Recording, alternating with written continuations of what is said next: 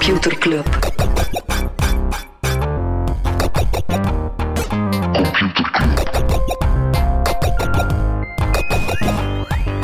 Computer Club. Hey Smolly, Hey Freddy, welkom, welkom terug. welkom. Welkom bij Computer Club, een wekelijkse podcast over technologie.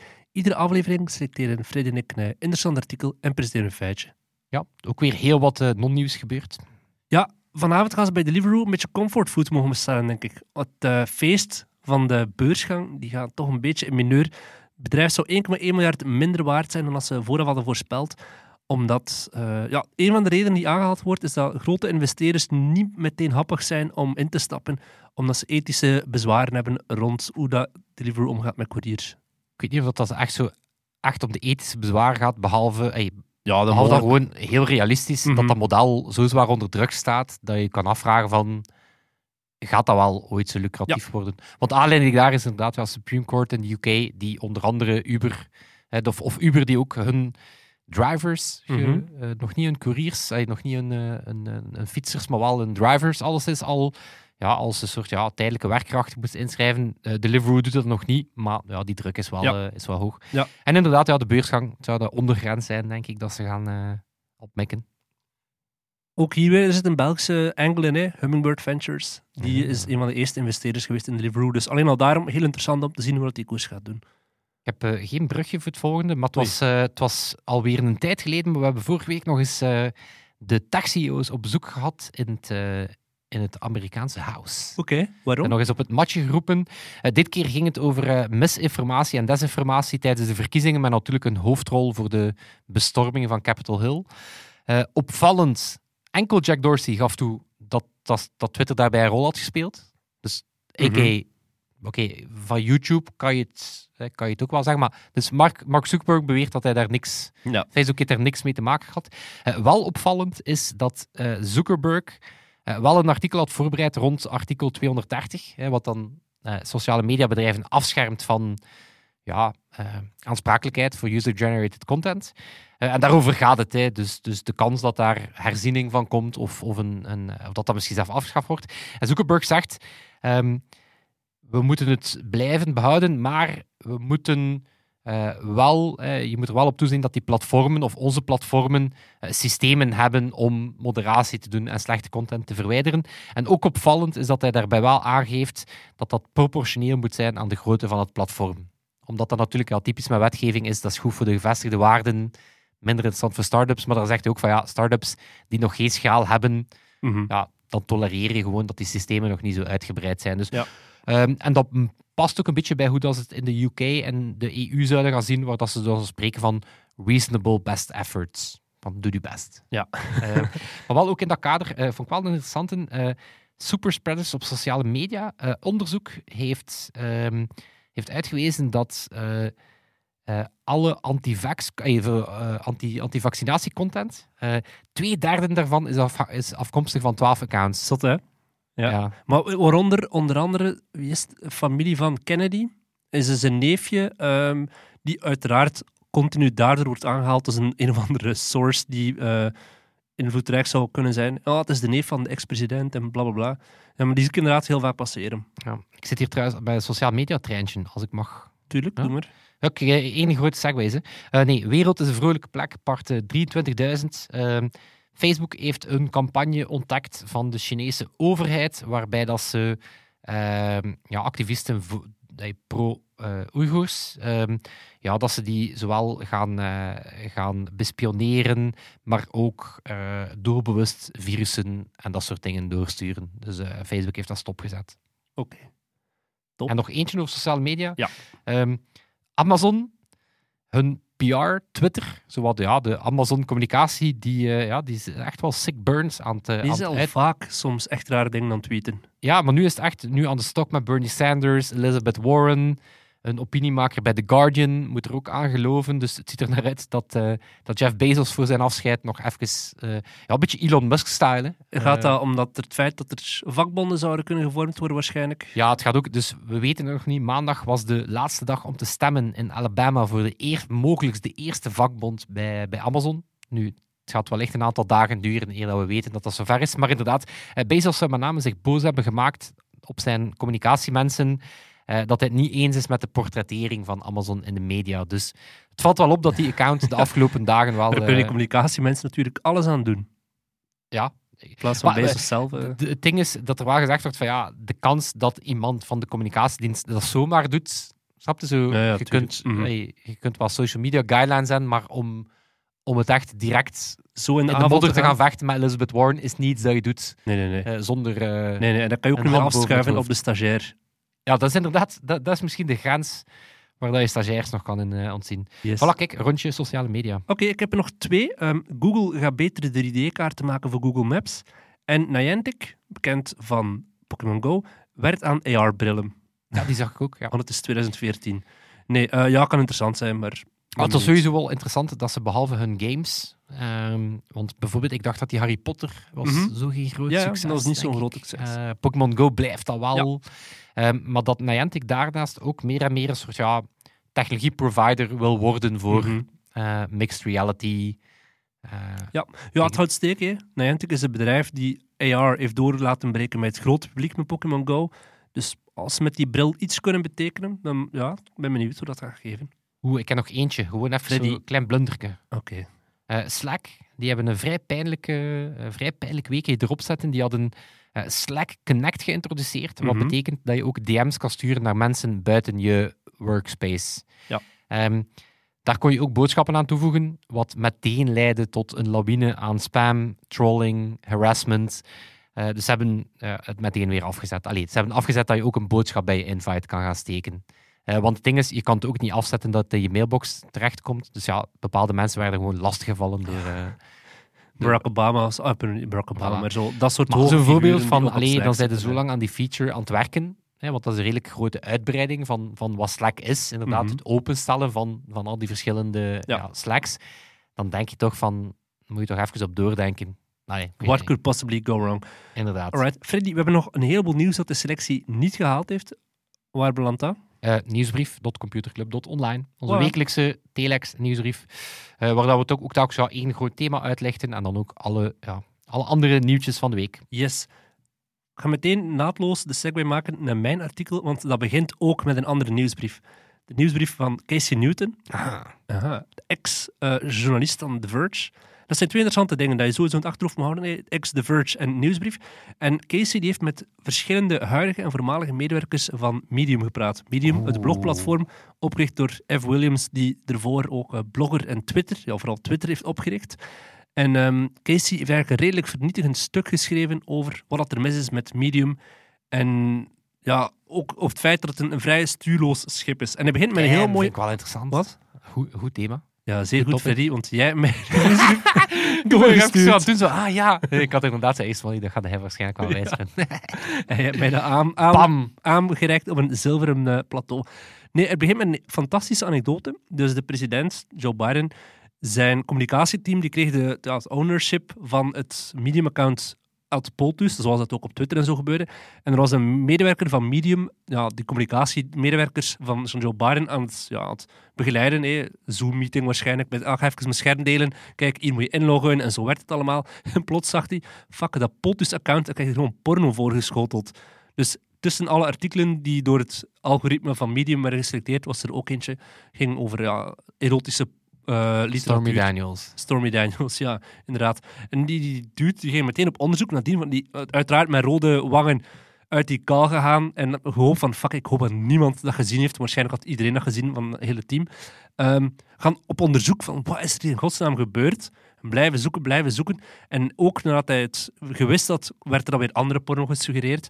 Ehm, bleek dat Joe Biden het account Poltus gelinkt was aan een van de rommelpublicatie. eh ja, en dat dat zo algoritmes gebeurde. En dat, dat toont... eh, Dat was een mooie binnenkomer voor zo'n artikel van er is iets gebroken in het, in medium, niet alleen in het platform, maar ook gewoon in het bedrijf op zich. Is er heel veel eh, gerommel, want... En dat was dan natuurlijk de echte aanleiding van het stuk. vorige week heeft, zijn er echt heel veel mensen ontslagen geweest bij Medium. En niet zomaar wat mensen, echt het, het content-team. Voor de mensen die Medium niet kennen, Medium is een platform waarop dat je is inderdaad misschien interessant om- blogs kan schrijven. Ik, ik ga zelf ook wel zeggen, ik heb zelf een bepaald moment ook lang op Medium geschreven. Je kan er blogs op publiceren, het is heel intuïtief. En bij andere blogs moet je echt zelf gaan zitten klooien met, met code en met vormgeving en zo. Terwijl Medium zegt, zelfs als je niets van code kent, kun je het, Het is inderdaad, daar, daar zien. kennen mensen waarschijnlijk, of, of zo kennen, dat is de, de vorm dat we Medium inderdaad in Ja. kennen. Gewoon Mooie heel witte mooi, achtergrond mooi en- leesbare ja, blogs, ja, ja, eh, en- waar dat je dan comments op kan, je kan dan highlights doen. Ja. Allee, zo inderdaad, gewoon aangename Ja, blogomgeving. ja, ze- en het wordt gebruikt van, ik zeg het, van de president tot eh, iemand die porno-teksten wil schrijven. Zo breed gaat het. Ehm, en je kan, wat, wat dat Medium ze- zelf op een bepaald moment heeft gedaan, je kan je namelijk abonneren als gebruiker op Medium om geld te betalen. Sommige stukken, als schrijver kun je zeggen, die staan achter een paywall en dan krijg je een beetje geld. Sommige stukken staan ervoor en die zijn voor iedereen beschikbaar. Heb ik ooit nog gedaan.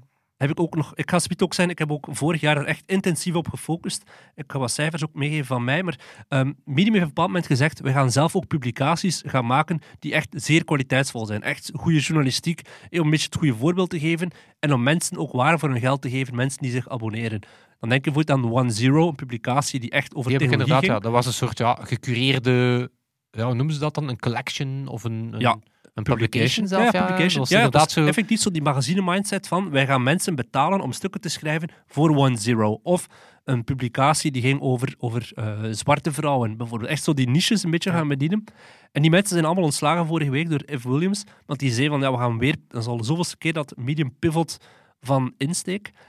En ik heb zelf op een bepaald moment de switch gemaakt van Tumblr naar Medium, toen dat Tumblr door de GDPR-regels veel strenger werd en dat je telkens zo'n pancarte voor je artikels kreeg, waardoor ik echt wel een drop-down zag in mijn, eh, in mijn traffic.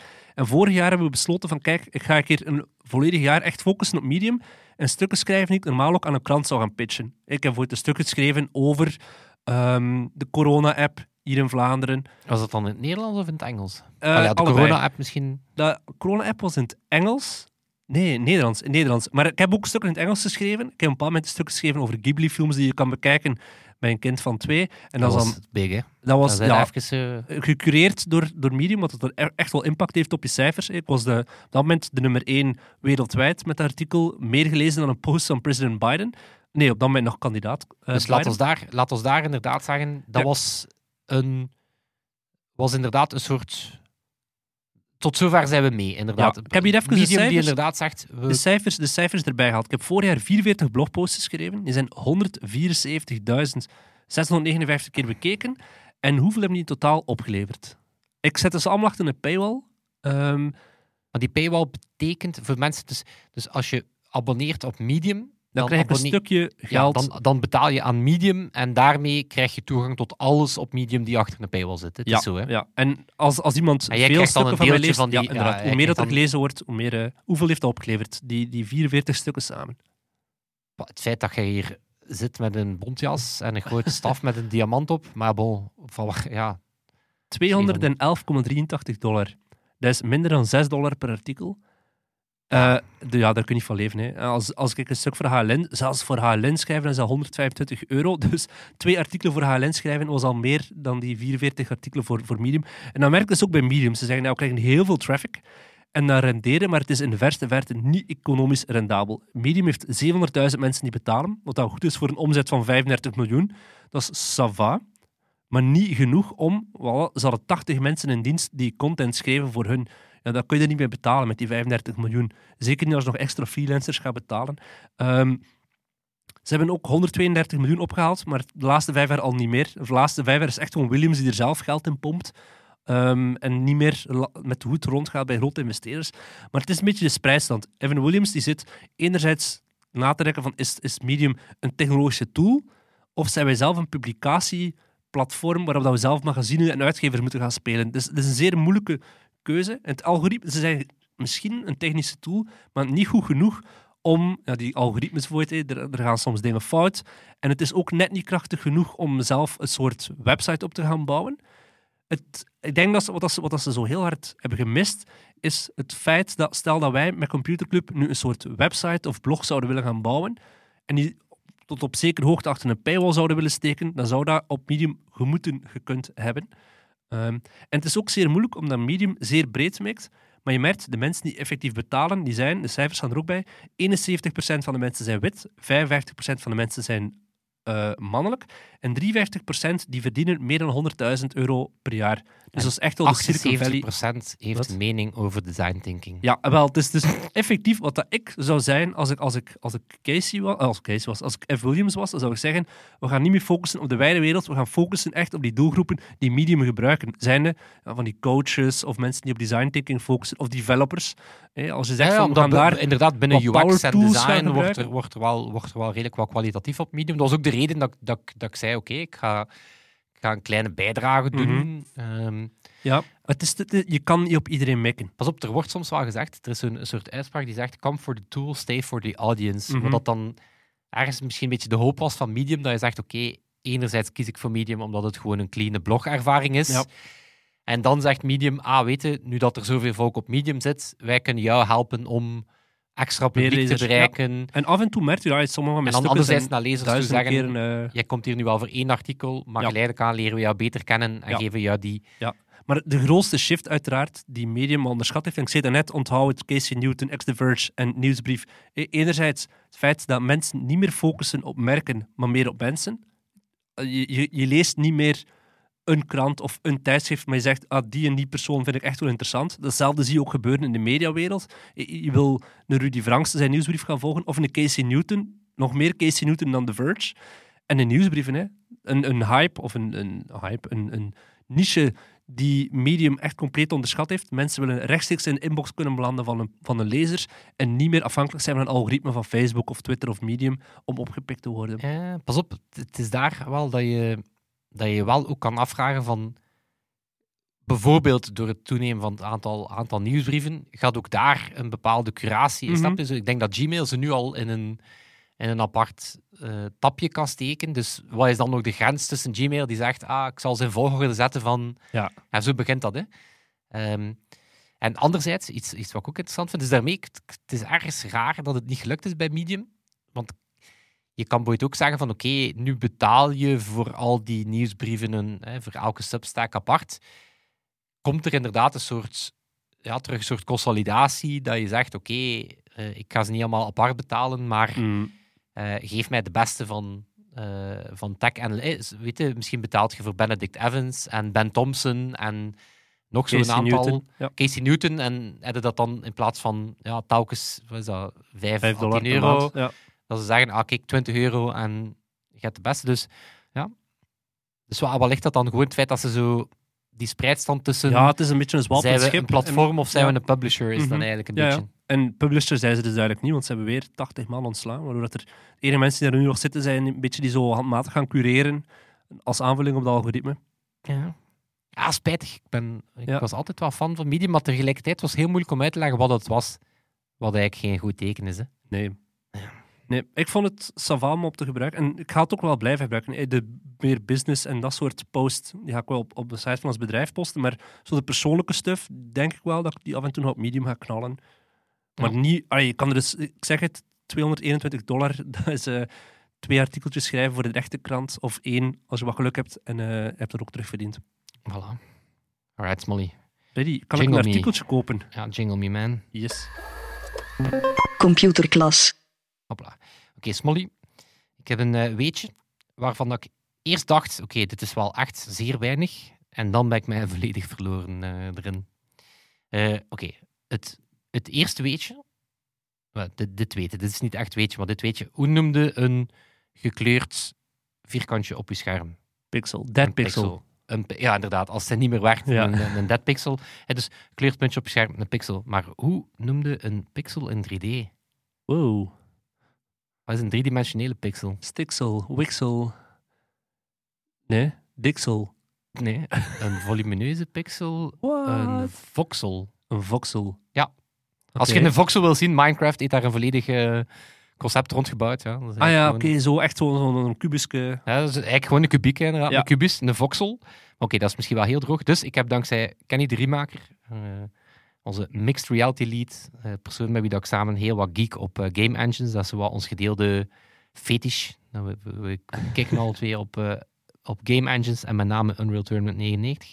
Ehm, je kent zo, ken je dat zo? Hello World? Mhm. Ja, Dat, is zo, wat, dat is zo typisch ja, de eerste functie dat je in elke nieuwe ja, eh, programmeert dat. Eigenlijk het eerste dat je gaat doen is Ja. gewoon tonen dat je tekst op een scherm kan krijgen. Tonen dat je tekst uit systeem kan. Hello world. Maar wat is het 3D-equivalent daarvan? Een blokje werpen in de ruimte. Nee. Ah, nee. Dat heet, de, dat is ook zo een soort ja, running joke, de Utah Teapot. Wat? En dat is echt zo'n klassieke theepot, ja, zo een Melita theepot, ja, een theepot, deksokken, In 3D handvatje in 3D. Ehm, en dat is een soort, ja, dus die, die werd ooit gebruikt in 75 als ehm, ja, bijna het eerste ja, 3D-model van iets. En ehm, sindsdien is dat als een soort running joke, wordt nu telkens als je een ja, stel dat je bijvoorbeeld een nieuwe scène wilt toelichten en je hebt een nieuw belichtingsmodel gemaakt, dan ga je daar de Utah Teapot zetten om... Zot. Eh, ja, zelf tot op het punt dat bijvoorbeeld OpenGL eh, in hun tool eh, zelf een functie heeft waarbij dat je meteen een teapot kan, kan genereren. Ehm, en initieel was dat ook gewoon handig, want ja, die persoon eh, had toen aan de eh, Newell, aan de Universiteit van Utah, die had toen echt ja, alle 3D-coördinaten van die teapot gemaakt. Dus dat was best wel wat werk. Dus initieel werd die teapot gewoon hergebruikt, Mhm. omdat dat makkelijker was. Maar sindsdien is dat een soort ja, running joke in de 3D-community, Zalig. dat je de, de Utah teapot Toch Ehm, liever dan die theepot dan die vrouw voor de, was image recognition eh, foto's? Ja, Lena. Lena. Ja. Die, dat play, de play, eh, Playboy-model, ja. Playmate. Eh, maar het cool is dat die theepot ook echt in, de, in popculture geraakt is. Bijvoorbeeld in, in Toy Story zit die. Moch. Want Ed Catmull, oprichter van Pixar, Mhm. die zat ook aan de University van Utah. Eh, Ivan Sutherland, dude die het eerste VR-toestel gemaakt heeft, ook. Eh, dus Utah staat wel bekend om zijn computer eh, graphics. Dus in Toy Story. Ehm, of in de, herinner je de Simpsons-aflevering waar dat Homer de derde dimensie ontdekte? Ja, ja. Daar zit de Fantastische Utah Teapot aflevering. ook in. Eh, in The Sims 2 kan je een schilderij kopen van de Utah Ehm, en in Superhot, ook zo'n coole 3D-game, VR-game, eh, kan je ook met de Utah Teapot eh, Zalig. eh, boeven in het hoor gezicht al. Heb je gooien. echt geamuseerd de voorbije week? Ik vond de zaligen, ja. Het, eh, dus voilà, kijk, de, het eh, 3D-equivalent van een Hello World toen is een, eh een theepot. Zalig. Ehm, en het, het, het, het grappige, allee, ik weet niet of dat, dat super grappig is, maar de echte theepot is 33% groter dan de Utah. eh, Dus de echte Utah theepot is 33% groter dan degene die in 3D gebruikt wordt. Waarom? Eh, ze hadden die in de eerste demo, als het is getoond, van, je kunt die ook dynamisch resizen. Ze hadden die zo wat plat geduwd en ze vonden dat mooier. Dus vanaf nu is die theepot iets platter. Zalig. Moest er iemand iets aan het ontwikkelen zijn op dit moment, steek er een een theepot in. Ja, absoluut. Voilà. Of de computerclub disketten, dat is misschien ook een, eh, Ah, een ding. zalig. Yes. Freddy, heb je ook een artikel gelezen? Ja. ehm, Intel, die zijn op de sukkel. Mhm. We weten dat. We hebben in aflevering 121 hadden we het over de Apple M1-chip. Dus Apple die zegt, Intel, you're out. We gaan ons eigen. We hadden het ook al in aflevering 112 over de verkoop van ARM aan Nvidia.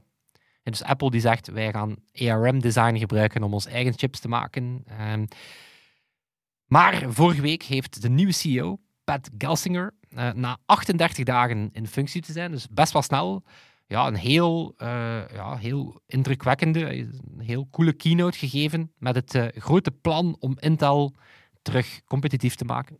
Dus Intel ja, was ooit de gigant, ja, die kennen we onder andere van eh, Moore's Law, van de, de computersnelheid verdubbelt elk jaar. Het was een wereld waar dat je Intel niet kon wegdenken, Ehm, maar die hebben wel wat problemen gehad. Ehm, bijvoorbeeld, één, één probleempje was, ja, ze zaten gewoon achter op technologisch vlak. Er wordt zo gesproken van ehm, ja, generaties in nanometers.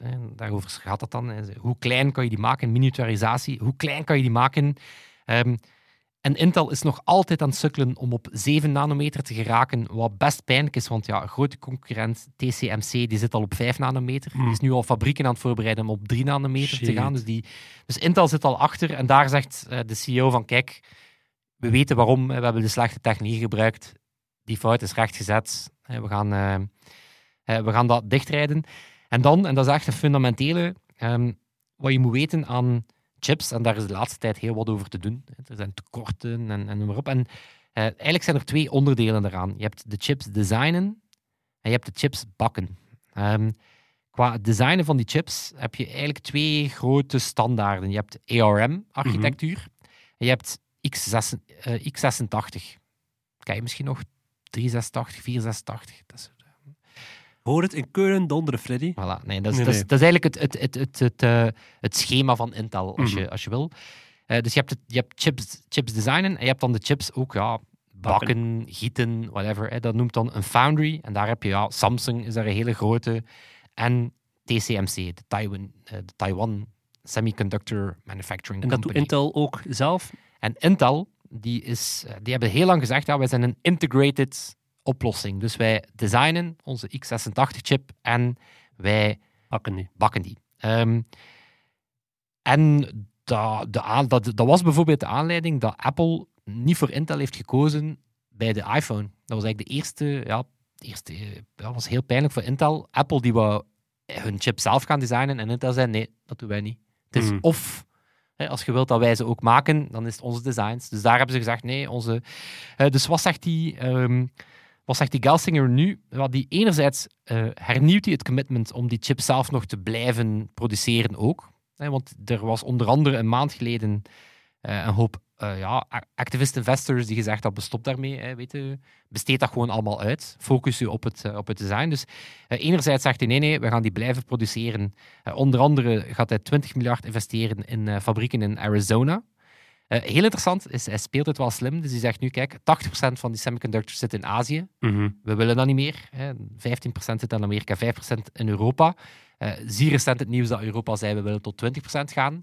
Dus daar dacht Intel Ja. nu, ja, wij willen, Westerse wij chips. willen een deel van die, van die koek, dus dat doet hij wel slim. Ehm, maar ook interessant, ehm, ze gaan ook designs van andere producenten gaan maken. Mhm. Dus boeit wat TCMC doet voor Apple, gaan zij nu ook gaan doen. Dus dan zeggen ze, ehm, ja kijk, als, als je wil, eh, Microsoft, Amazon, want ze zijn het allemaal aan het doen, hè, voor alle duidelijkheid, al die, al die grote bedrijven, eh, kunnen in principe ook aankloppen. En sterker nog, eh, net zoals de ARM een soort open standaard is die, waarvoor dat je dan een licentie betaalt, maar je kan er dan wel hè, je eigen chips mee designen, eh, gaat Intel ook zijn x86 designs ook openstellen. Dus ehm, waarom is dat interessant? Bijvoorbeeld in het datacenter is Amazon nu eigen chips aan het ontwikkelen die nog zuiniger zijn enzovoort. Maar dat moeten ze dan doen op een Mhm. ARM-design. Maar heel veel van die datacenters ja, die hebben zodanige cultuur in die, ja, in die x86-processoren dat dat voor Amazon wel interessant zou zijn om ja, zeg maar, terug naar een Intel-design te gaan. Ehm, en dan anderzijds, ja, het, kan niet op, gaan ze ook ja, bepaalde productie, als ze, als ze voor bepaalde productie zelf niet genoeg kunnen produceren, dan gaan ze ook outsourcen naar TCM en Samsung. Oké. Dus het is, Het klinkt wel echt als een soort pivot moment in de geschiedenis van Intel. het is een. Wel, het is inderdaad een. Is een.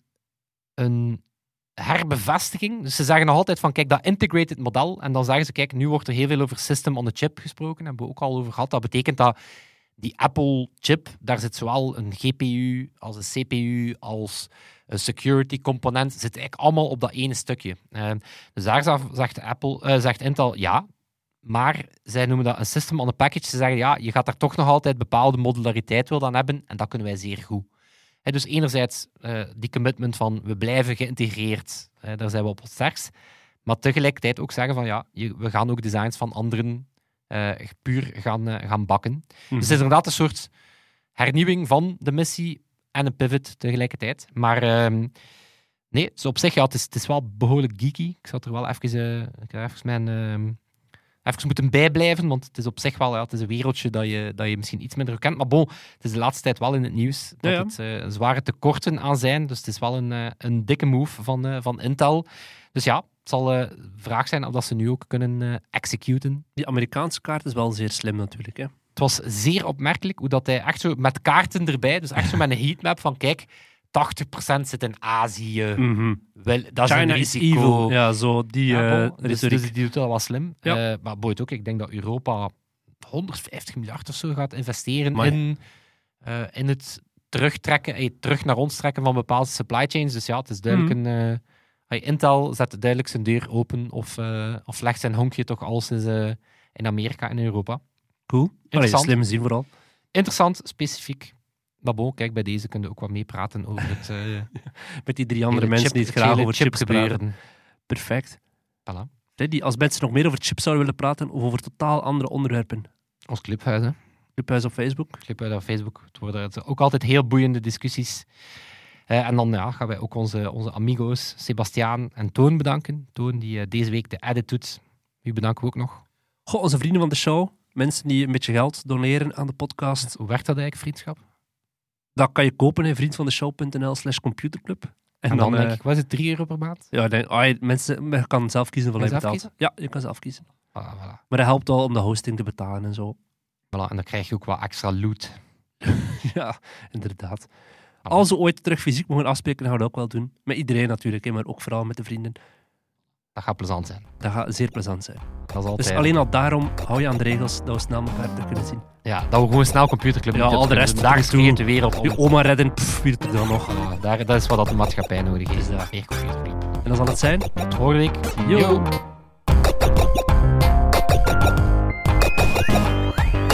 Computer Club.